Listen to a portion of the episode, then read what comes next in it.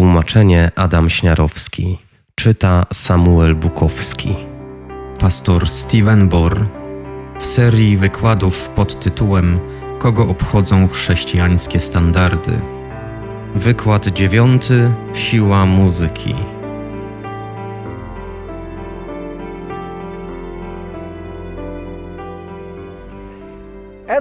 Zanim rozpoczniemy omawiać ten temat, chciałbym przedstawić Wam moje osobiste przesłanki odnośnie muzyki. Ta lista nie opiera się tylko na mojej intuicji, uczuciach i myślach, opiera się na wielu moich badaniach, jakie przeprowadziłem. Po pierwsze, nie uważam, że niewłaściwe jest używanie instrumentów muzycznych podczas nabożeństw. Wierzę jednak, że muzycy mogą używać instrumentów w sposób, który okaże się duchowo destrukcyjny. Innymi słowy, sposób użycia instrumentów decyduje o jakości muzyki. Na tej samej trąbce można w końcu zagrać pieśń religijną albo nowoorleański jazz. Po drugie, wierzę, że istnieje wyraźny rozdział między muzyką sakralną i świecką. i nie powinny być one ze sobą mieszane, powinny pozostać oddzielone.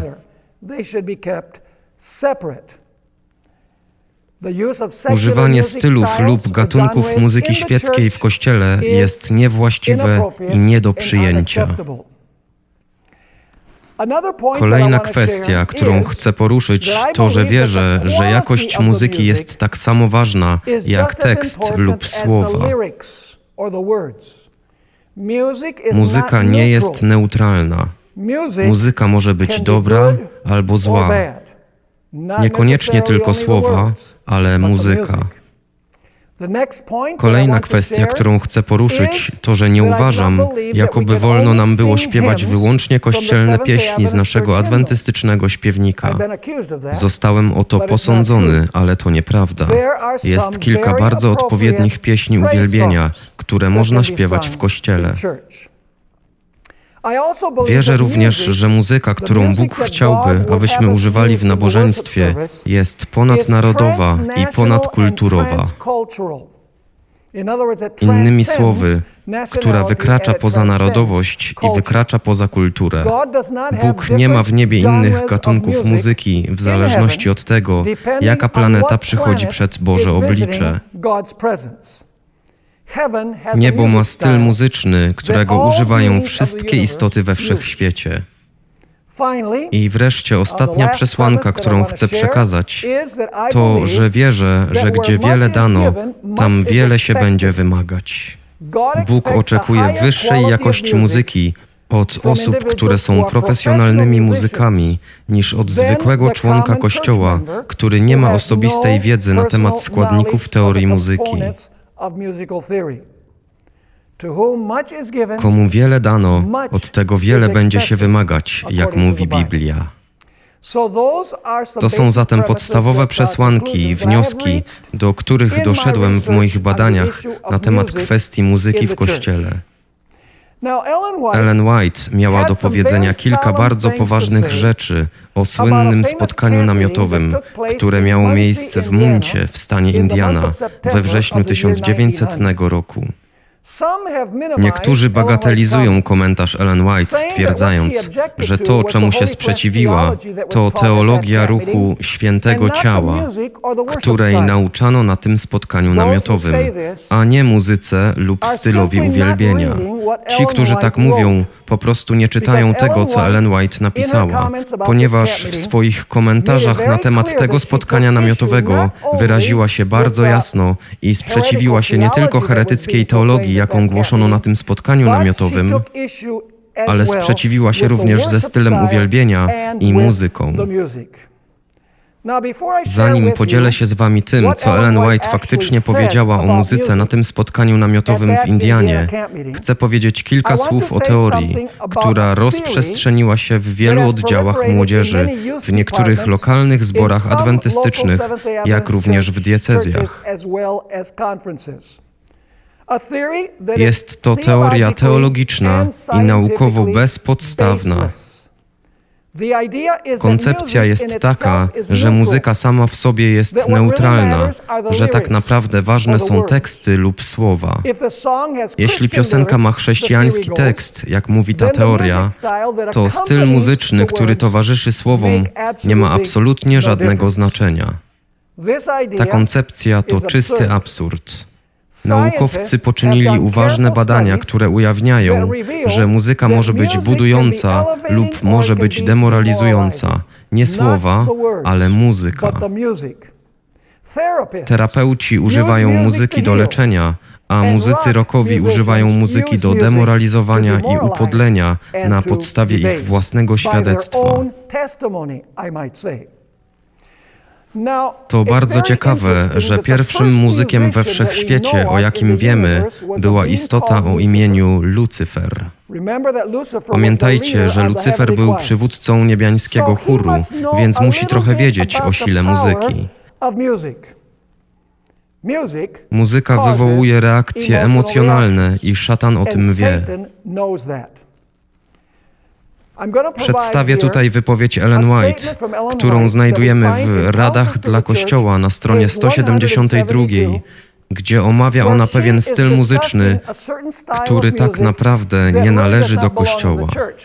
Zatem widzicie, że nie wszystkie gatunki muzyczne mogą być używane w Kościele. Oto, co jest tam napisane. Sztuka świętej melodii była pilnie pielęgnowana w szkole prorockiej. Nie słyszano żadnych frywolnych walców. Co się dzieje, kiedy słyszysz walca? Masz ochotę co? Tańczyć. Zgadza się.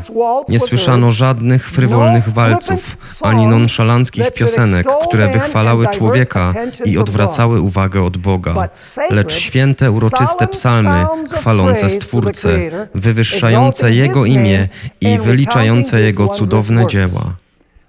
Muzyka miała zatem służyć świętemu celowi, by wywyższyć myśli do tego, co było czyste, szlachetne i wywyższające, by obudzić w duszy poświęcenie i wdzięczność dla Boga.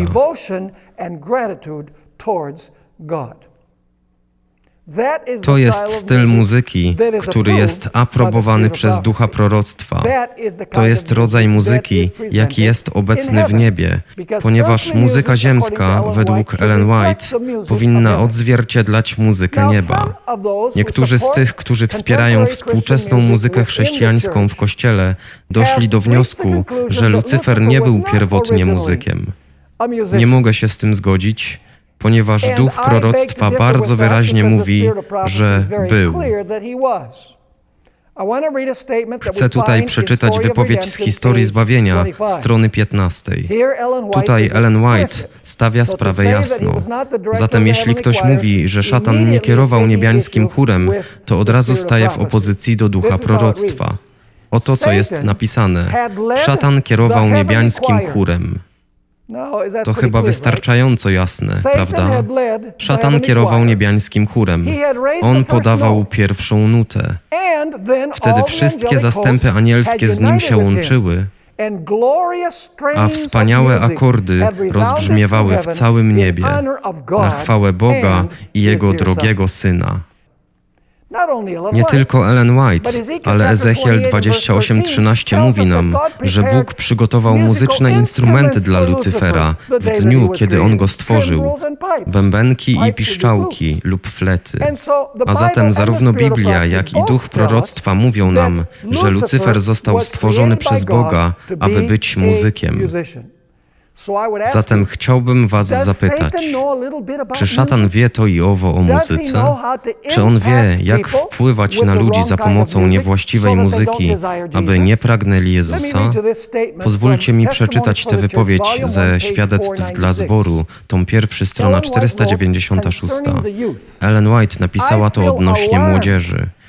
Czuję niepokój, kiedy wszędzie jestem świadkiem frywolności młodych mężczyzn i młodych kobiet, którzy wyznają, że wierzą w prawdę. To nie są świeccy ludzie, to nie są ludzie spoza kościoła. Ona się tu martwi o młodych mężczyzn i młode kobiety w kościele, którzy wyznają, że są chrześcijanami. Pisze ona dalej: Nie wydaje się, aby Bóg był obecny w ich myślach. Ich umysły przepełnione są nonsensami.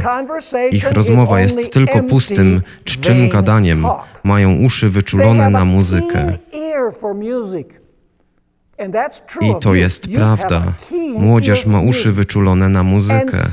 A szatan wie, jakie organy ludzkie należy podniecić, aby pobudzić, pochłonąć i oczarować umysł, by Jezus nie był przezeń pożądany. Zauważcie, że nie chodzi o słowa, ale o muzykę. Jeszcze raz, szatan wie, jakie organy ludzkie należy podniecić, aby pobudzić, pochłonąć i oczarować umysł, by Jezus nie był przezeń pożądany. Duchowa tęsknota duszy do boskiej wiedzy, do wzrostu w łasce, tego właśnie im brakuje. Czy to możliwe, że niektóre rodzaje muzyki, która jest prezentowana w zborach Kościoła Adwentystów Dnia Siódmego, faktycznie prowadzi naszą młodzież do tego, by nie chciała Chrystusa? Zauważcie, że ona mówi o muzyce, nie mówi o tekstach. Istnieją niektóre rodzaje muzyki, że kiedy ludzie słyszą taką muzykę, to nie pragną Jezusa. Główna metoda szatana na zwiedzenie to mieszanie prawdy z błędem. Czy spodziewalibyście się zatem, że szatan będzie mieszał muzykę sakralną z muzyką świecką, aby zwodzić ludzi? Oczywiście odpowiedź brzmi tak. Jednego razu zostałem zaproszony, aby przemawiać na spotkaniu pracowników w pewnej diecezji. Po moim wystąpieniu powstało trzech pastorów i widać było, że byli zaniepokojeni moją prezentacją na temat muzyki. Powiedzieli mi, potrzebujemy tego rodzaju muzyki, aby zachować naszą młodzież w kościele Kościele. Potrzebujemy współczesnej muzyki chrześcijańskiej, aby zachować naszą młodzież w Kościele. Zatem na spokojnie zadałem im pytanie. Czy uważacie, że wszelka współczesna muzyka chrześcijańska jest odpowiednia dla nabożeństwa w Kościele Adwentystów Dnia Siódmego? Oczywiście wiecie, że są przykłady nadzwyczajnie hałaśliwej współczesnej muzyki chrześcijańskiej, jeśli oglądacie kanały telewizyjne, które mają prezentacje religijne. Jest w nich taka muzyka, że nawet ludzie, którzy wierzą w stosowanie współczesnej muzyki na nabożeństwie, nigdy nie posunęliby się aż tak daleko. Zatem zapytałem ich, czy uważacie, że wszelka, jakakolwiek współczesna muzyka chrześcijańska może zostać wprowadzona do kościoła? I wszyscy odpowiedzieli zgodnie zgodnie? Nie. Są pewne rodzaje współczesnej muzyki chrześcijańskiej, które przekraczają granice. I wtedy zadałem im takie pytanie. Jeśli niektóre rodzaje muzyki przekraczają granice, to gdzie jest ta granica? Nastąpiła długa chwila ciszy i jeden z pastorów powiedział mi: Dobre pytanie. Nie myślałem o tym. Oczywiście muszą istnieć standardy co do tego, jaka muzyka jest dobra w kościele. Podam Wam teraz kilka rzeczy, jakie Ellen White miała do powiedzenia na temat spotkania namiotowego w Indianie. Jej komentarze znajdują się w drugim tomie wybranych poselstw. Pamiętajcie, że teoria jest taka, że muzyka nie ma tak naprawdę znaczenia. Muzyka jest neutralna, a to, co tak naprawdę ma znaczenie, to tekst lub słowa. Tak długo jak słowa są chrześcijańskie, wtedy wszystko jest w porządku. Jak już mówiłem, komentarze Ellen White na temat spotkania namiotowego w Indianie znajdują się w drugim tomie wybranych poselstw, na początku tego tomu. Nawet pobieżna lektura tych stron ujawnia kilka niezaprzeczalnych faktów. I teraz podzielę się z Wami tymi faktami, a następnie przeczytamy kilka wypowiedzi, które potwierdzają streszczenie, jakie teraz przedstawię. Po pierwsze, Ellen White mówi nam, że szatan używał stylu muzyki w Indianie, aby odwrócić uwagę ludzi od obecnej prawdy, aby zneutralizować moc i wpływ poselstwa trzeciego anioła. Zatem celem tego rodzaju muzyki na spotkaniu namiotowym w Indianie było utrudnić ludziom zrozumienie znaczenia poselstwa trzeciego anioła. I pozwólcie mi dodać jeszcze jedno. Żaden z gatunków muzycznych, jakie istnieją dzisiaj, z perkusją i całym tym jazgotem, nie istniał jeszcze w 1900 roku. Druga kwestia to, że Ellen White oznajmiła, że Duch Święty nigdy się nie objawia w takim stylu uwielbienia. Po trzecie, powiedziała, że ten styl uwielbienia nie jest potrzebny, aby nawracać duszę do prawdy. Stwierdziła również, że ten styl uwielbienia raz jeszcze będzie widziany na naszych spotkaniach namiotowych na krótko przed zakończeniem czasu próby. Stwierdziła również, że nie powinniśmy zachęcać do tego rodzaju muzyki. I krytycyzm Ellen White, jak zobaczymy, gdy będziemy czytać te wypowiedzi, nie dotyczy słów, nie dotyczy teologii spotkania namiotowego w Indianie, ale dotyczy muzyki, gatunków muzycznych i stylów muzycznych, jakich tam użyto. A teraz pozwólcie mi przeczytać niektóre z tych cytatów Ellen White na temat spotkania namiotowego w Indianie. Nie będę podawał stron każdego cytatu, ale to jest na stronach od 35 do 45 w drugim tomie wybranych poselstw. Mam więc nadzieję, że przeczytacie wszystkie 10 stron. Oto cytat. Duch Święty nigdy nie objawia siebie w takich metodach, w takiej hałaśliwej wrzawie. In such a bedlam of noise.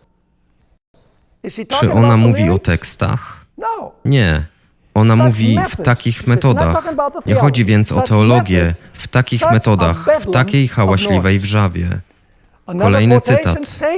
Jest to wymysł szatana, zmierzający do zakrycia jego pomysłowych sposobów na to, aby uczynić zupełnie bezskuteczną, czystą, szczerą, podnoszącą, uszlachetniającą, uświęcającą prawdę na ten czas.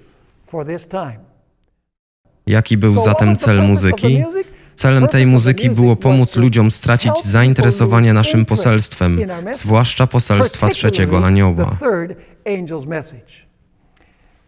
W innej wypowiedzi napisała: Lepiej nigdy nie mieć uwielbienia Boga połączonego z muzyką, niż używać instrumentów muzycznych do wykonywania dzieła, które zeszłego stycznia przedstawiono mi, że będzie wprowadzone na nasze spotkania namiotowe. Czy ona mówi o tekstach, o słowach? Nie. Posłuchajcie raz jeszcze. Lepiej nigdy nie mieć uwielbienia Boga połączonego z muzyką, niż używać instrumentów muzycznych do wykonywania dzieła, które zeszłego stycznia przedstawiono mi, że będzie wprowadzone na nasze spotkania namiotowe. Znowu widzimy, że problemem jest muzyka, a nie teksty. Tak naprawdę ona ani razu nie wspomina o tekstach w tym rozdziale. Kolejny cytat. Prawda na ten czas, inaczej mówiąc, obecna prawda, Prawda na ten czas nie potrzebuje niczego z tego rodzaju w swoim dziele nawracania dusz. Hałaśliwa wrzawa, zobaczcie, znowu mówi o muzyce, o głośności muzyki, nie o tekstach. Hałaśliwa wrzawa poraża zmysły i wypacza to, co gdyby było właściwie przeprowadzone, mogłoby być błogosławieństwem. W innej wypowiedzi napisała: Moce szatańskich przedstawicieli mieszają się z gwarem i hałasem, by mieć karnawał, i to jest nazywane działaniem Ducha Świętego. A potem napisała: Nie będę zagłębiać się w całą bolesną historię, to zbyt wiele. Jednak zeszłego stycznia to spotkanie namiotowe odbyło się we wrześniu, ale Bóg pokazał jej coś w styczniu 1900 roku. Jednak zeszłego stycznia Pan pokazał mi, że błędne teorie i metody będą wprowadzone na nasze spotkania namiotowe i że historia przeszłości powtórzy się. Ponieważ styl uwielbienia uh, ruchu świętego ciała oraz herezja tego ruchu faktycznie istniała już w roku 1844. Zatem Ellen White mówi, że w roku 1900 było powtórzenie stylu uwielbienia, jaki był we wczesnym adwentyzmie, powtórzenie herezji, która wtedy istniała i ona mówi, że to się pojawi znowu na krótko przed końcem czasu próby. Pisze ona dalej. Czułam się wielce zmartwiona. Zostałam pouczona, abym powiedziała, że na tych demonstracjach To jest naprawdę poważne. Obecne są demony w postaci ludzi, działając z całą pomysłowością, jaką szatan może zastosować, aby uczynić prawdę odrażającą dla rozsądnych ludzi, że wróg starał się w taki sposób ułożyć sprawy, aby spotkania namiotowe, które były sposobem niesienia tłumom prawdy poselstwa trzeciego anioła, utraciły swą moc i wpływ.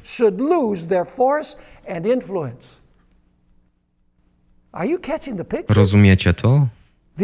Kwestia muzyki to poważna sprawa. W innej wypowiedzi napisała: Poselstwo trzeciego anioła ma zostać przekazane prostymi sposobami. Powinno pozostawać wolne od jakiejkolwiek niteczki tanich, żałosnych wymysłów ludzkich teorii, przygotowanych przez ojca kłamstwa i zakamuflowanych tak jak olśniewający wąż użyty przez szatana jako medium przy zwiedzeniu naszych pierwszych rodziców. W ten sposób szatan stara się postawić swoje piętno na dziele, które Bóg chciałby, aby wyszło naprzód w czystości. Przeczytam jeszcze kilka cytatów. Wszystkie są z tego samego rozdziału. To jest niesamowite, co miała do powiedzenia. Oto kolejny cytat. Duch Święty nie ma nic wspólnego z takim pomieszaniem hałasu i mnóstwa dźwięków, które przesunęły się przede mną zeszłego stycznia. Czy ona tu mówi o tekstach? Czy chodzi o słowa? Nie, wystarczy tylko to przeczytać. Duch Święty nie ma nic wspólnego z takim przemieszaniem hałasu i mnóstwa dźwięków, które przesunęły się przede mną zeszłego stycznia. Szatan działa wśród gwaru i zamętu takiej muzyki, która gdyby była właściwie prowadzona, byłaby wysławieniem i chwałą dla Boga. Sprawia on, że jej efekt jest podobny do ukąszenia jadowitego węża. Oto kolejny cytat. To, co było w przeszłości, będzie i w przyszłości. Szatan, słuchajcie teraz uważnie. Szatan uczyni muzykę sidłem poprzez sposób, w jaki jest ona wykonywana. Raz za razem chodzi o sposób, w jaki muzyka jest wykonywana. Chodzi o sposób, w jaki prowadzone jest nabożeństwo. Zatem raz jeszcze. Duch Święty nie ma nic wspólnego z takim pomieszaniem hałasu i mnóstwa dźwięków, które przesunęły się przede mną zeszłego stycznia. Szatan działa wśród gwaru i zamętu takiej muzyki, która gdyby była właściwie prowadzona, byłaby wysławieniem i chwałą dla Boga. Sprawia on, że jej efekt jest podobny do ukąszenia jadowitego węża. Przeczytam wam jeszcze dwa lub trzy cytaty. To, co było w przeszłości, będzie i w przyszłości.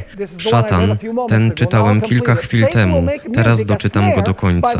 Szatan uczyni muzykę sidłem poprzez sposób, w jaki jest ona wykonywana. Bóg wzywa swój lud, który ma przed sobą światło w słowie i w świadectwach, aby czytał, rozważał i był ostrożny. Przeczytam jeszcze raz. Dane zostało jasne i stanowcze pouczenie, aby wszyscy mogli je zrozumieć. Jednak palące pragnienie, by zapoczątkować coś nowego, prowadzi do dziwnych nauk i w wielkim stopniu niszczy wpływ tych, którzy byliby mocą na rzecz dobra, gdyby niewzruszenie zachowali swoją początkową ufność w prawdę, jaką dał im Pan. A teraz posłuchajcie tego. To jest bardzo, bardzo poważne. To jest z listu, jaki napisała do starszego Haskella, który był obecny na tym spotkaniu namiotowym. Faktycznie wysłał on do Ellen White swoje sprawozdanie, zaś Ellen White odpisała mu to, co zaraz przeczytam, w wyniku tego, co starsi Haskell i Brett widzieli osobiście na tamtym spotkaniu namiotowym. Ellen White odpisała starszemu Haskellowi zaledwie kilka tygodni później, a oto co napisała. Rzeczy, które opisaliście jako mające miejsce w Indianie, Pan mi ukazał, że będą miały miejsce tuż przed końcem czasu próby. I widzimy to. Widzimy to w zborach adwentystycznych. Pisze ona dalej. Każda nieokrzesana rzecz będzie demonstrowana. Będą krzyki z bębnami, muzyką i tańcem. Zmysły rozumnych istot będą tak zdezorientowane, że nie będzie można im ufać, że podejmą właściwe decyzje. I to jest nazywane działaniem Ducha Świętego. Czy duch proroctwa mógł wyrazić się jeszcze jaśniej? Zatem kwestia jest taka, Co ma do powiedzenia prorok do kościoła ostatków? Co by napisała dzisiaj, gdy mamy wszystkie te nowe gatunki muzyczne? Salsa, reggaeton, rock, disco i wszystkie te różne style muzyczne, które nawet jeszcze wtedy nie istniały. Myślę, że jej komentarze byłyby dzisiaj nawet mocniejsze na temat muzyki, która nie jest właściwa w kościele adwentystów dnia siódmego. Zauważcie, że Ellen White wielokrotnie podkreślała znaczenie obecnej prawdy i poselstwa trzech aniołów na ten czas. Według niej muzyka w naszych nabożeństwach musi przekazywać wyjątkowe poselstwo i misję Kościoła Adwentystów Dnia Siódmego. Nie możemy po prostu śpiewać powtarzających się i mdłych piosenek uwielbienia, które zostały skomponowane przez ewangelicznych i zielonoświątkowych kompozytorów, ponieważ są oni całkowicie nieświadomi tego, co Jezus obecnie robi w miejscu najświętszym niebiańskiej świątyni. Oni oddają cześć w miejscu świętym, podczas gdy Jezus jest w miejscu najświętszym. Musicie przeczytać w doświadczeniach i widzeniach strony 42 do 44 o tym, co wydarzyło się w 1844 roku. Była tam grupa, która weszła do miejsca najświętszego, podczas gdy cały świat chrześcijański, który odmówił wejścia z Jezusem, pozostał w miejscu świętym i myśleli, że to Jezus zasiadł na tronie i modlili się: Ojcze, daj nam Twego ducha a to szatan zajął miejsce Chrystusa na tronie i tchnął na nich zły wpływ. Musicie przeczytać ten rozdział. Jest przerażający. Napisałem książkę, która opiera się na tym widzeniu pod tytułem Uwielbienie u tronu szatana, w której omawiam niektóre z tych zagadnień. Kilka lat temu zostałem zaproszony jako mówca na spotkanie namiotowe, aby mówić na temat uwielbienia, oddawania czci nabożeństwa. Podkreślałem to, że kazanie musi być w centrum nabożeństwa, a muzyka powinna stanowić wsparcie dla poselstwa. Muzyka ma wspierać poselstwo, a nie ma zajmować miejsca poselstwa. Po mojej prezentacji zagorzały zwolennik współczesnej muzyki chrześcijańskiej zwrócił moją uwagę na to, że w niebiańskich scenach uwielbienia z Księgi Apokalipsy nie ma żadnego kazania. Wszystko, co macie w scenach uwielbienia w Księdze Apokalipsy, to wychwalanie. Zatem powiedział, Widzisz, kazanie nie jest w centrum, bo we wszystkich scenach uwielbienia z Księgi Apokalipsy wszystko, co robią niebiańskie istoty, to wychwalanie, nie ma kazania.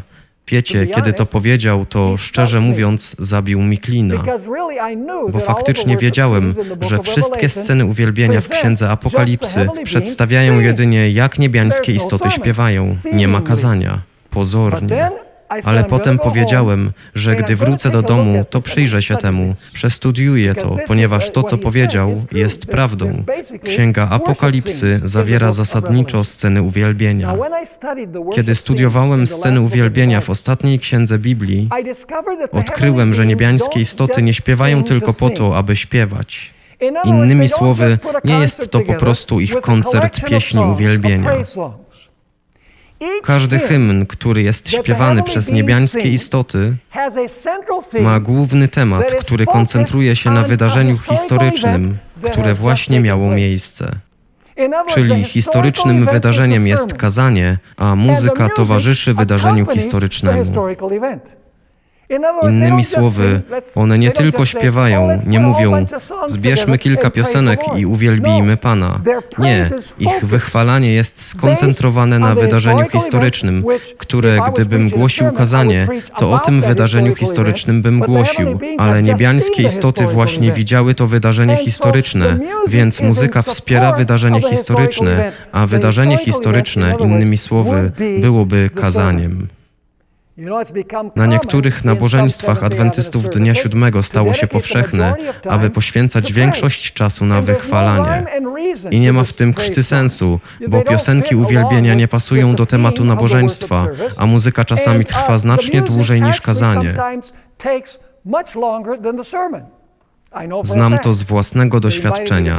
Zaproszono mnie, abym przemawiał w diecezji środkowo-kalifornijskiej i nie powiem wam, o jaki zbór chodzi. I zaczęli służbę uwielbienia o godzinie 11 rano. i mówię sobie, no dobra, prawdopodobnie będę mieć pół godziny lub 45 minut na wygłoszenie kazania. O 12 w południe zakończyli służbę uwielbienia i pastor powiedział mi, pastorze, masz 15 minut na wygłoszenie kazania. Wiecie, to jest przypadek, gdzie muzyka przygniotła poselstwo. Muzyka ma wspierać poselstwo, a nie na odwrót. Przeczytam wam coś. Ellen White wiedziała o tym wszystkim, o rzeczach wstępnych zajmujących miejsce poselstwa. Zauważcie, co napisała w ewangelizacji na stronie 99. Niech wasze wysiłki nie będą podążaniem drogą światła, ale podążaniem drogą Bożą. Zewnętrzna pokazowość nie wykona dzieła, jakiego pragnie Pan, aby było wykonane, aby pobudzić wyższe klasy do przekonania, że usłyszały prawdę. Nie obdzierajmy prawdy z jej godności i wywieranego przez nią wrażenia, przez rzeczy wstępne, które często są według porządku świata, zamiast według porządku nieba. Zobaczcie, ona nawet użyła tego wyrażenia, rzeczy wstępne. Niech wasi słuchacze zrozumieją, że nie prowadzicie wieczornych spotkań w niedzielę. Chodzi o spotkania ewangelizacyjne dla nieadwentystów. Niech wasi słuchacze zrozumieją, że nie prowadzicie wieczornych spotkań w niedzielę tylko po to, aby zauroczyć ich zmysły muzyką i innymi rzeczami, ale żeby głosić prawdę w całej jej uroczystej powadze, która mogłaby przyjść do nich jako ostrzeżenie, budząc ich ze śmiertelnego snu samozadowolenia jest to naga prawda, która niczym ostry miecz obosieczny tnie na obie strony. Jasne jak słońce, nieprawdaż? Jasno i na temat. Chciałbym teraz omówić niektóre sceny uwielbienia z Księgi Apokalipsy, żebyście zobaczyli, o czym mówię. Teraz, jeśli ta osoba, która przyszła do mnie i powiedziała, no dobrze, ale w Apokalipsie wszystkie sceny uwielbienia dotyczą wychwalania, nie ma żadnego kazania, teraz miałbym odpowiedź na to, co ta osoba mówiła, bo musiałem szczerze powiedzieć, powiedzieć: Masz rację, muszę się temu przyjrzeć. Zatem udałem się do domu, przyjrzałem się temu i po zastanowieniu się powiedziałem: Ależ tu jest kazanie. Kazaniem jest wydarzenie historyczne, a pieśni, które śpiewają niebiańskie istoty, dotyczą tego, co właśnie się wydarzyło. Śpiewają o kazaniu, innymi słowy. Apokalipsy 4:11. To jest niebiańska sala tronowa. Bóg Ojciec siedzi na swoim tronie. Wokół tronu jest 24 starszych. Pośrodku tronu są cherubiny i serafiny. 24 starszych to przedstawiciele światów, a cztery żywe stworzenia to cherubiny i serafiny. Jezus nie jest tam obecny. Nie ma tam także anielskiego zastępu. jest tylko jeden, który siedzi na tronie, Bóg Ojciec. I co śpiewają te istoty, które są tam obecne? Czy oni śpiewają, chwalcie Pana, bo On nas odkupił? Nie, bo to by nie pasowało do wydarzenia historycznego. Widzicie, powód, dla którego nie ma aniołów i Jezusa, tam w tej scenie uwielbienia z Apokalipsy czwartego rozdziału jest taki, że anielski zastęp udał się na ziemię, aby zabrać Jezusa, aby przyprowadzić wprowadzić go z powrotem podczas jego w niebo wstąpienia. Zwróćcie więc uwagę na pieśń, którą śpiewają niebiańskie istoty, temu, który siedzi na tronie. Apokalipsy 4:11. Ty jesteś godzien, o Panie, wziąć chwałę i cześć i moc, ponieważ Ty stworzyłeś wszystkie rzeczy i przez Twoją wolę one istnieją i zostały stworzone. Co jest tematem przewodnim tego hymnu? Że ten, który siedzi na tronie, Bóg Ojciec, jest kim? Stwórcą. Powiecie chwileczkę, a to nie Jezus jest Stwórcą? Obydwaj są w to zaangażowani. Syn wypełnia wolę Ojca. Ojciec jest architektem, a Jezus jest głównym konstruktorem, który przyjmuje plan i go realizuje. Ale tutaj pieśń jest na cześć Boga Ojca, który siedzi na tronie jako Stwórca, ani słowa o Odkupicielu. Dlaczego? Ponieważ Odkupiciel jeszcze nie dotarł. Przechodzimy zatem do piątego rozdziału Apokalipsy. Teraz na scenie pojawia się baranek jakby zabity, a wraz z nim miliony milionów aniołów. Idzie tam, gdzie jest ojciec, pokazuje ojcu rany na jego rękach i rany na jego czole i rany w jego boku. A teraz, po tym jak Jezus pokazał się Ojcu jako baranek Boży, On właśnie przybył do nieba podczas swojego w niebo wstąpienia. Teraz niebiańskie istoty entuzjastycznie śpiewają hymn uwielbienia. Co jest kazaniem w tej scenie? To, że Jezus właśnie wrócił z pola bitwy. On jest ranny, ma rany, ale wrócił żywy, ponieważ z martwych wstał, wstąpił do nieba. To jest kazanie. Jesteście ze mną, czy nie? Co oni śpiewają? Apokalipsy 5, 9 do 12. Czytam z New International Version. Ty jesteś godzien wziąć zwój i otworzyć jego pieczęcie, ponieważ zostałeś zabity i swoją krwią nabyłeś ludzi dla Boga z każdego plemienia i języka i narodu i ludu. Uczyniłeś ich, aby byli królestwem i kapłanami, aby służyli naszemu Bogu i będą panować na ziemi. Wtedy spojrzałem i ujrzałem głos wielu aniołów w liczbie tysięcy nad tysiącami i dziesięć tysięcy razy dziesięć tysięcy. Otoczyli oni tron i żywe stworzenia oraz starszych i donośnym głosem zaśpiewały Godzien jest baranek, który został zabity, aby wziąć moc i bogactwo i mądrość i siłę i cześć i chwałę i wychwalanie. Czy hymn pasuje do wydarzenia? Tak. Wydarzeniem historycznym jest kazanie, zaś pieśń, która została zaśpiewana, która towarzyszy wydarzeniu historycznemu, to pieśń odkupienia. A co z momentem, w którym Jezus i Ojciec przejmują królestwo? Moment siódmej trąby, gdy królestwa świata stają się królestwami Ojca i Syna. Jak sądzicie, co niebiańskie istoty będą śpiewać? Czy będą śpiewać Błogosławiony jesteś, ponieważ jesteś Stwórcą? Albo Błogosławiony jesteś, ponieważ jesteś Odkupicielem? Nie, ponieważ to nie jest wydarzenie historyczne. Zwróćcie uwagę na Apokalipsy 11 od 15 do 16. Temat hymnu, kiedy Jezus i Ojciec przejmują Królestwa Świata w momencie, gdy zabrzmiała siódma trąba. Jest tam napisane. Wtedy siódmy anioł zatrąbił i odezwały się donośne głosy w niebie mówiące Królestwa tego świata stały się królestwami naszego Pana i Jego Chrystusa i będzie On królować na wieki wieków. A 24 starszych, którzy siedzą przed Bogiem na swoich tronach, upadło na twarze i oddało Bogu pokłon, mówiąc Dziękujemy Tobie, Panie Boże Wszechmogący, który jesteś i który byłeś i który masz przyjść, ponieważ wziąłeś swą potężną moc i objąłeś królestwo. Czy pieśń pasuje do wydarzenia historycznego? Tak, wydarzenie historyczne jest kazaniem, tyle że żywym kazaniem. Widzicie, gdy ja wygłaszam kazanie na temat tego wydarzenia, to robię to tylko werbalnie, wypowiadając je na głos, ale niebiańskie istoty rzeczywiście tam będą i zaśpiewają tę pieśń, kiedy czas próby się zakończy, a Jezus i Ojciec przejmą królestwo. Hymn pasuje do wydarzenia historycznego. A co z chwilą, gdy 144 tysiące ostatecznie odniosą zwycięstwo nad bestią, jej obrazem i jej znakiem? Jak sądzicie, co będą śpiewać? Przejdźmy do Apokalipsy 15, 3 i 4. Mam nadzieję, że uchwyciliście niuans tego, o czym teraz mówię. Zauważcie, muzyka musi się zgadzać z kazaniem. Jeśli pastor głosi kazanie na temat sabatu, to co będziecie śpiewać? Czy będziecie śpiewać pieśń, która dotyczy szafarstwa? Robimy tak wiele razy na naszych nabożeństwach. Pieśni nie zgadzają się z tym, o czym jest kazanie. Nabożeństwo musi być starannie zorganizowane. Pieśni muszą pasować do tematu kazania. Zwróćcie uwagę na Apokalipsy 15, 3 i 4. Mowa jest o 144 tysiącach, którzy wreszcie osiągnęli zwycięstwo i śpiewają pieśń Mojżesza i Baranka. Wielkie i zadziwiające są Twoje dzieła, Panie Boże Wszechmogący. Sprawiedliwe i prawdziwe są Twe drogi, o Królu Świętych.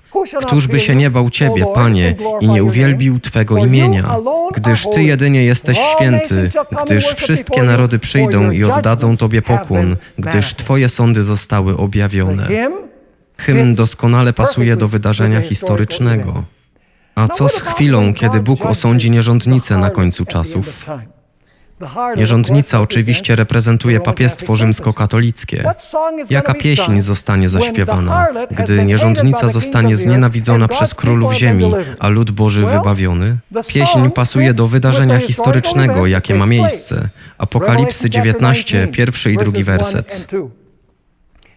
Po tych rzeczach usłyszałem donośny głos wielkiego tłumu w niebie, który mówił: Alleluja, zbawienie i chwała, i cześć i moc należą do Pana, naszego Boga. Gdyż prawdziwe i sprawiedliwe są Jego sądy, gdyż osądził wielką nierządnicę, która skaziła ziemię swoim nierządem i pomścił na niej krew swoich sług, którą ona przelała. Czy hymn pasuje do wydarzenia historycznego, gdy królowie ziemi znienawidzili nierządnicę? Oczywiście. Pieśń jest wsparciem dla wydarzenia. Wydarzenie nie jest wsparciem dla pieśni. A co z chwilą, kiedy lud Boży znajdzie się w świętym mieście, a Bóg stworzy nowe niebiosa i nową ziemię? Jak sądzicie, o czym będzie pieśń? Czy to będzie pieśń o śmierci baranka, a może o sądzie nad nierządnicą, albo o przejęciu królestw świata przez Boga wraz z Chrystusem? Nie, nie, nie. To hymn, który pasuje do wydarzenia historycznego. Zwróćcie uwagę na Apokalipsy 21, wersety 3 i 4. I usłyszałem donośny głos z nieba mówiący: Oto przybytek Boga jest z ludźmi i będzie on mieszkał z nimi, a oni będą jego ludem. Sam Bóg będzie z nimi i będzie ich Bogiem. I Bóg otrze wszelką łzę z ich oczu. Nie będzie już więcej śmierci, ani smutku, ani krzyku. Nie będzie już więcej bólu, gdyż pierwsze rzeczy przeminęły. To właśnie śpiewa donośny głos. Zatem, kiedy Bóg stworzy nowe niebiosa i nową ziemię, gdzie nie będzie już więcej śmierci, ani smutku, ani cierpienia, pieśń pasuje do tego, co dzieje się w tym konkretnym momencie. Chodzi o to, że nasze współczesne adwentystyczne nabożeństwo musi odzwierciedlać nasze wyjątkowe poselstwo i misję. Poselstwo obecnej prawdy na dzisiaj jest takie, że Jezus jest w miejscu najświętszym niebiańskiej świątyni i niebawem rozpocznie sąd nad żywymi. Czy nasze nabożeństwo nie powinno odzwierciedlać wydarzenia, które ma teraz miejsce, obecna prawda w miejscu najświętszym niebiańskiej świątyni? Czy nasza teologia nie powinna zgadzać się z naszą doksologią? Czy obecna prawda nie powinna narzucać tego, co śpiewamy podczas nabożeństwa? Jeśli czcimy Pana tak, jak zielonoświątkowcy i ewangelicy, to jaki mamy powód, aby istnieć jako Kościół? Jak możemy powiedzieć, że nasze nabożeństwo jest adwentystyczne, skoro rzadko śpiewamy lub głosimy o tym, co Jezus robi obecnie w niebiańskiej świątyni i co my powinniśmy robić na ziemi, aby się przygotować równolegle do tego, co robi Jezus? Pozwólcie, że przeczytam teraz kilka ostatnich rad od Ellen White. Świadectwa dla zboru, tom 9, strona 143 i 144. Żadne słowa nie potrafią właściwie wyrazić głębi ubłogosławienia prawdziwego uwielbienia. Kiedy ludzkie istoty śpiewają z duchem i ze zrozumieniem, słuchajcie uważnie, kiedy ludzkie istoty śpiewają z duchem i ze zrozumieniem, Niebiańscy muzycy chwytają za swoje instrumenty i włączają się do pieśni dziękczynienia. Wyobraźcie sobie tylko, zbór śpiewa, gdy na ten świat spoglądam wielki Boże, a anioł mówi, śpiewajmy razem z nimi. Czy myślicie, że aniołowie dołączą do śpiewania z zespołem rockowym? Nie, bo to nie jest styl muzyczny, który istnieje w niebie. Przy okazji, ilu z was kiedykolwiek słyszało zespół rockowy grający na harfie? Byłoby trudno grać muzykę rockową na harfie, prawda? Pisze ona dalej. Ten, który nas obdarował wszelkimi dobrami, które uzdalniają nas do współpracy z Bogiem, oczekuje od swoich sług, że będą pielęgnowali swój głos, aby mogli przemawiać i śpiewać w taki sposób, aby to wszyscy rozumieli. To nie głośny śpiew jest potrzebny. Co nie jest potrzebne? Głośny śpiew, ale czysta intonacja, poprawna wymowa i wyraźne wyrażanie się. Poświęćmy wszyscy czas na pielęgnowanie naszego głosu, aby wychwalanie Boga mogło być śpiewane w czystym, łagodnym tonie, nie z szorstkością i wrzaskliwością, które drażnią ucho.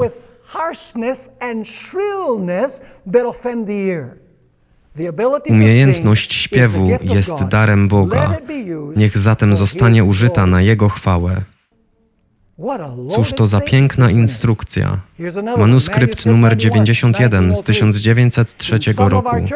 W niektórych zborach słyszałam wykonania solowe, które są całkowicie nieodpowiednie dla nabożeństw w domu Bożym. Przewlekłe nuty i osobliwe dźwięki, jakimi cechuje się śpiew operowy, nie są przyjemne dla aniołów. Oni miłują się w słuchaniu prostych pieśni wychwalania, śpiewanych w naturalnym tonie. Pieśni, w których każde słowo jest wyrażane czysto, w muzycznym tonie, to właśnie są te pieśni, do śpiewania których oni się do nas przyłączają.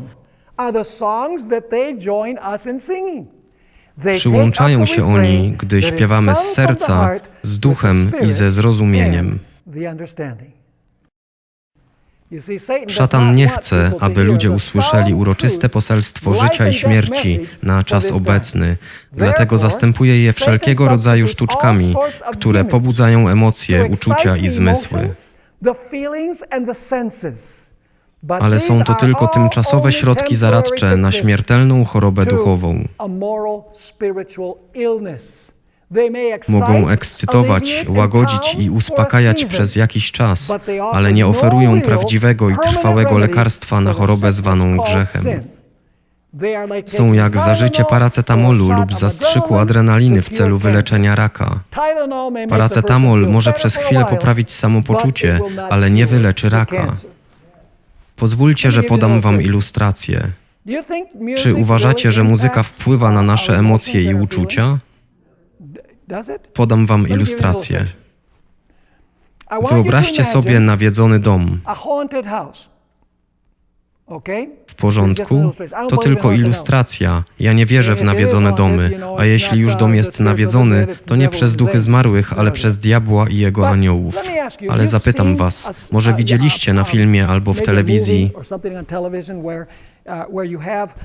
gdzie jakiś człowiek zbliżający się do domu, który ma pajęczyny i nieco wypadające drzwi i wszędzie jest zarośnięty, zatem ten człowiek podchodzi do drzwi i teraz pytanie brzmi: Jeśli oglądanej przez Was scenie otwierania drzwi nie towarzyszy żadna muzyka, to czy wywołuje to jakieś emocje? Nie, nie wywołuje to żadnych emocji. Ale co się dzieje, gdy pojawia się muzyka?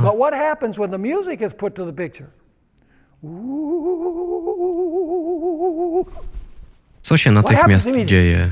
Strach. Boicie się. Muzyka wraz z obrazem wzbudziła emocje.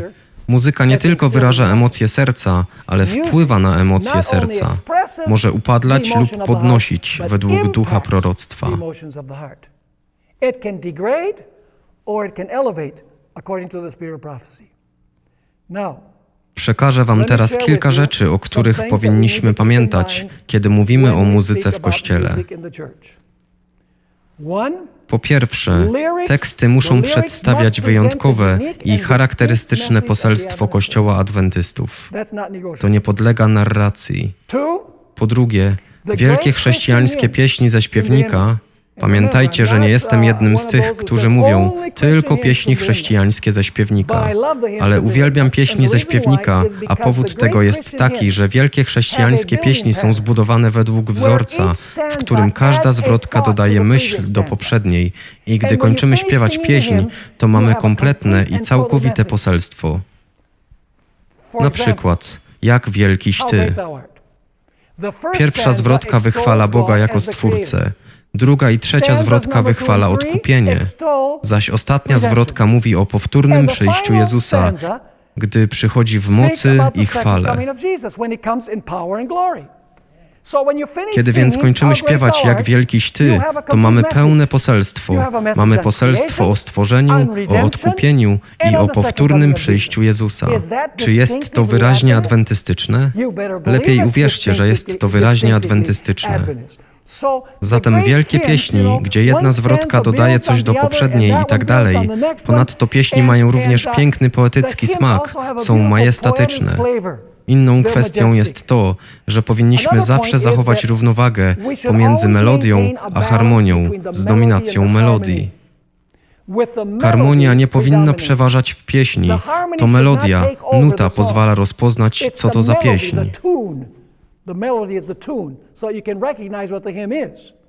Ellen White napisała w Świadectwach dla zboru, tomie 9, stronie 143 i 144. Właściwie to już to dziś przeczytałem, więc nie będę czytał ponownie. Następna kwestia. Muzyka, pamiętajcie, muzyka jest podprogowa. Działa na podświadomość, potrafi ominąć, wszyscy naukowcy wam to powiedzą, Potrafi ominąć ośrodki rozumowania i logiki, dzięki którym oceniasz, czy wyrządza ona szkody, czy też działa ku dobremu. Omija nasze środki rozumowania i myślenia. Następny punkt. To wszystko są zasady, które przedstawia Ellen White. Muzyka nie powinna charakteryzować się próżnym powtarzaniem, a wiele ze współczesnych piosenek tylko powtarza i powtarza w kółko to samo. To jest bardzo płytkie. Następnym punktem jest to, że muzyka, i już o tym wspominałem, muzyka nie tylko wyraża uczucia i emocje, ale ma również wpływ na uczucia. O tym również wspominałem. Muzyka nie powinna być piskliwa i głośna, ponieważ hałas i jazgot utrudniają usłyszenie głosu Boga. Jak już wcześniej czytałem, Ewangelizacja, strona 325, Ellen White uzupełnia tę koncepcję, aby nie śpiewać głośno i przenikliwie. Napisała tak: Śpiew można zawsze udoskonalić. Niektórzy uważają, że im głośniej śpiewają, tym więcej robią muzyki, lecz hałas nie jest muzyką. Dobry śpiew podobny jest śpiewowi ptaków, łagodny i melodyjny. Czy lubicie śpiew ptaków? Czy słyszeliście kiedyś ptaki śpiewające roka? Jest łagodny i melodyjny. Można usłyszeć melodię lub nutę. To jest rodzaj muzyki, o którym Ellen White mówi nam, że powinniśmy jej słuchać. Następny punkt. Dobra chrześcijańska muzyka w kościele powinna współgrać z naturalnym rytmem ciała. Nie powinno być w niej zbyt wiele synkop. Pytacie, co to są synkopy?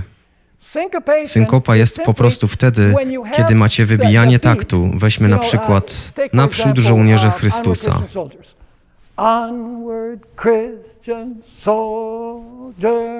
Widzicie, takt wybijany jest na pierwszym i na trzecim. Synkopa wybija takt na drugim i czwartym, coś w tym rodzaju.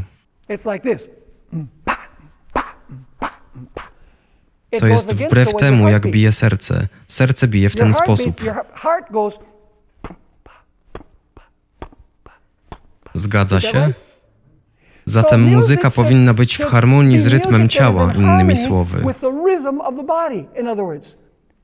W przeciwnym wypadku jest to dezorientujące i zamiast dawać nam spokój, denerwuje nas. Przeprowadzono wiele badań, które udowadniają te kwestie. Ellen White napisała: Już to czytałem wcześniej, więc przejdźmy dalej. A co z instrumentami muzycznymi? Czy używanie instrumentów muzycznych w kościele jest w porządku? Jak najbardziej. Wiecie, Ellen White nie była staroświecką osobą, która powiedziała, że wolno śpiewać tylko a cappella, że nie wolno używać żadnego fortepianu, żadnych organów, żadnych instrumentów w ogóle. Zwróćcie uwagę na tę wypowiedź Ellen White. To jest ewangelizacja, strona 101. Należy wykorzystać talent śpiewu. Używanie instrumentów muzycznych nie budzi zastrzeżeń. Używano ich przy nabożeństwach już w starożytności. Wierni oddawali cześć Bogu na harfach i cymbałach i muzyka powinna znaleźć swoje miejsce także w naszych nabożeństwach. Wzbudzi ona dodatkowe zainteresowanie. Nie ma problemu z używaniem instrumentów. Ja gram na trąbce. Nie jestem profesjonalnym muzykiem, ale grałem w zespole w Wisconsin Academy. Od czasu do czasu gram w orkiestrze adwentystycznego zboru Fresno Central. Nie jestem profesjonalnym muzykiem, ale przez trzy lata studiowałem teorię muzyki w konserwatorium muzycznym w Caracas w Wenezueli, więc wiem jak dyrygować muzyką i tym podobne, ale to nie jest mój zawód. Będę się trzymał głoszenia Ewangelii. To jest mój zawód. Ciekawe jest to, że możesz użyć trąbki do zagrania jak wielkiś ty, to podnosi Twoją duszę do nieba, nawet gdy to gram. Jestem podekscytowany. Ale mogę użyć tej samej trąbki, aby zagrać muzykę, którą grał Louis Armstrong w Nowym Orleanie, muzykę jazzową, która nie podnosi do nieba, ale upadla. Zatem problemem nie są instrumenty, ale sposób, w jaki są one używane. Musimy być co do tego bardzo ostrożni. Ostatni punkt, jaki chcę zaznaczyć, to że muzyka nie powinna przyciągać uwagi ludzi do artysty, ani też jej głównym celem nie może być zysk finansowy, ponieważ muzyka w dzisiejszych czasach stała się wielkim biznesem. Często celem nie jest chwalenie Boga, ale to, aby wykonawcy zarabiali pieniądze.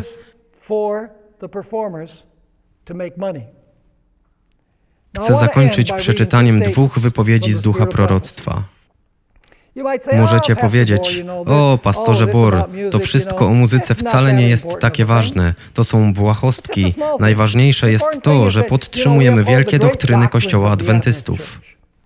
Pozwólcie mi przeczytać te dwie wypowiedzi. Patriarchowie i prorocy, strona 539. Działanie wroga nie jest gwałtowne. Co to znaczy gwałtowne? Nagłe. Działanie wroga nie jest gwałtowne. Na początku nie jest ono nagłe i zaskakujące. Polega raczej na skrytym podkopywaniu twierdzy zasad. Zaczyna się od pozornie drobnych rzeczy, od lekceważenia tego, by pozostać wiernym Bogu i zupełnie na nim polegać, oraz być skłonnym do naśladowania zwyczajów i praktyk świata.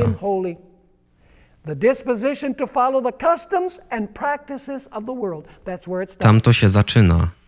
Jest to dzieło powolne, niezaskakujące, niegwałtowne, powolne podkopywanie zasad, krok po kroku, zaczyna się od drobnych rzeczy. Nie uważajcie więc muzyki za błahostkę, bo kiedy już przyzwyczaimy się do światowej muzyki, robimy następny krok, a potem następny krok i następny. Ostatnia wypowiedź znajduje się w ósmym tomie świadectw na stronie 96. Niektóre osoby tak długo poświęcały zasady, że nie mogą już rozróżnić pomiędzy tym, co święte, a tym, co pospolite, świeckie. Co się dzieje, gdy poświęcasz zasady? Czy to muzykę, czy jakikolwiek inny standard chrześcijański? Co się dzieje? Dzieje się to, że nie potrafisz rozróżnić między czym? Między świętym a pospolitym. Nie potrafisz odróżnić muzyki sakralnej od muzyki świeckiej. I w końcu, jeśli pójdziesz dalej tą drogą, to nie będziesz w stanie odróżnić dnia świętego od dnia świeckiego, bo to jest ostatecznie produkt końcowy, ponieważ poszedłeś na ustępstwa w małej sprawie,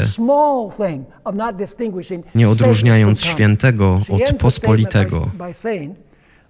Kończy ona swoją wypowiedź słowami: Ci, którzy odmawiają zwracania uwagi na pouczenia Pana, będą stopniowo szli w dół ścieżką ruiny. Jak zatem myślicie, czy muzyka jest ważna? Czy musimy być bardziej ostrożni, jeśli chodzi o muzykę, którą wybieramy w naszych zborach i tą, której słuchamy? Moją modlitwą jest, aby ta prezentacja pomogła nam być selektywnymi w muzyce, tak aby mogła ona przynosić cześć i chwałę Bogu.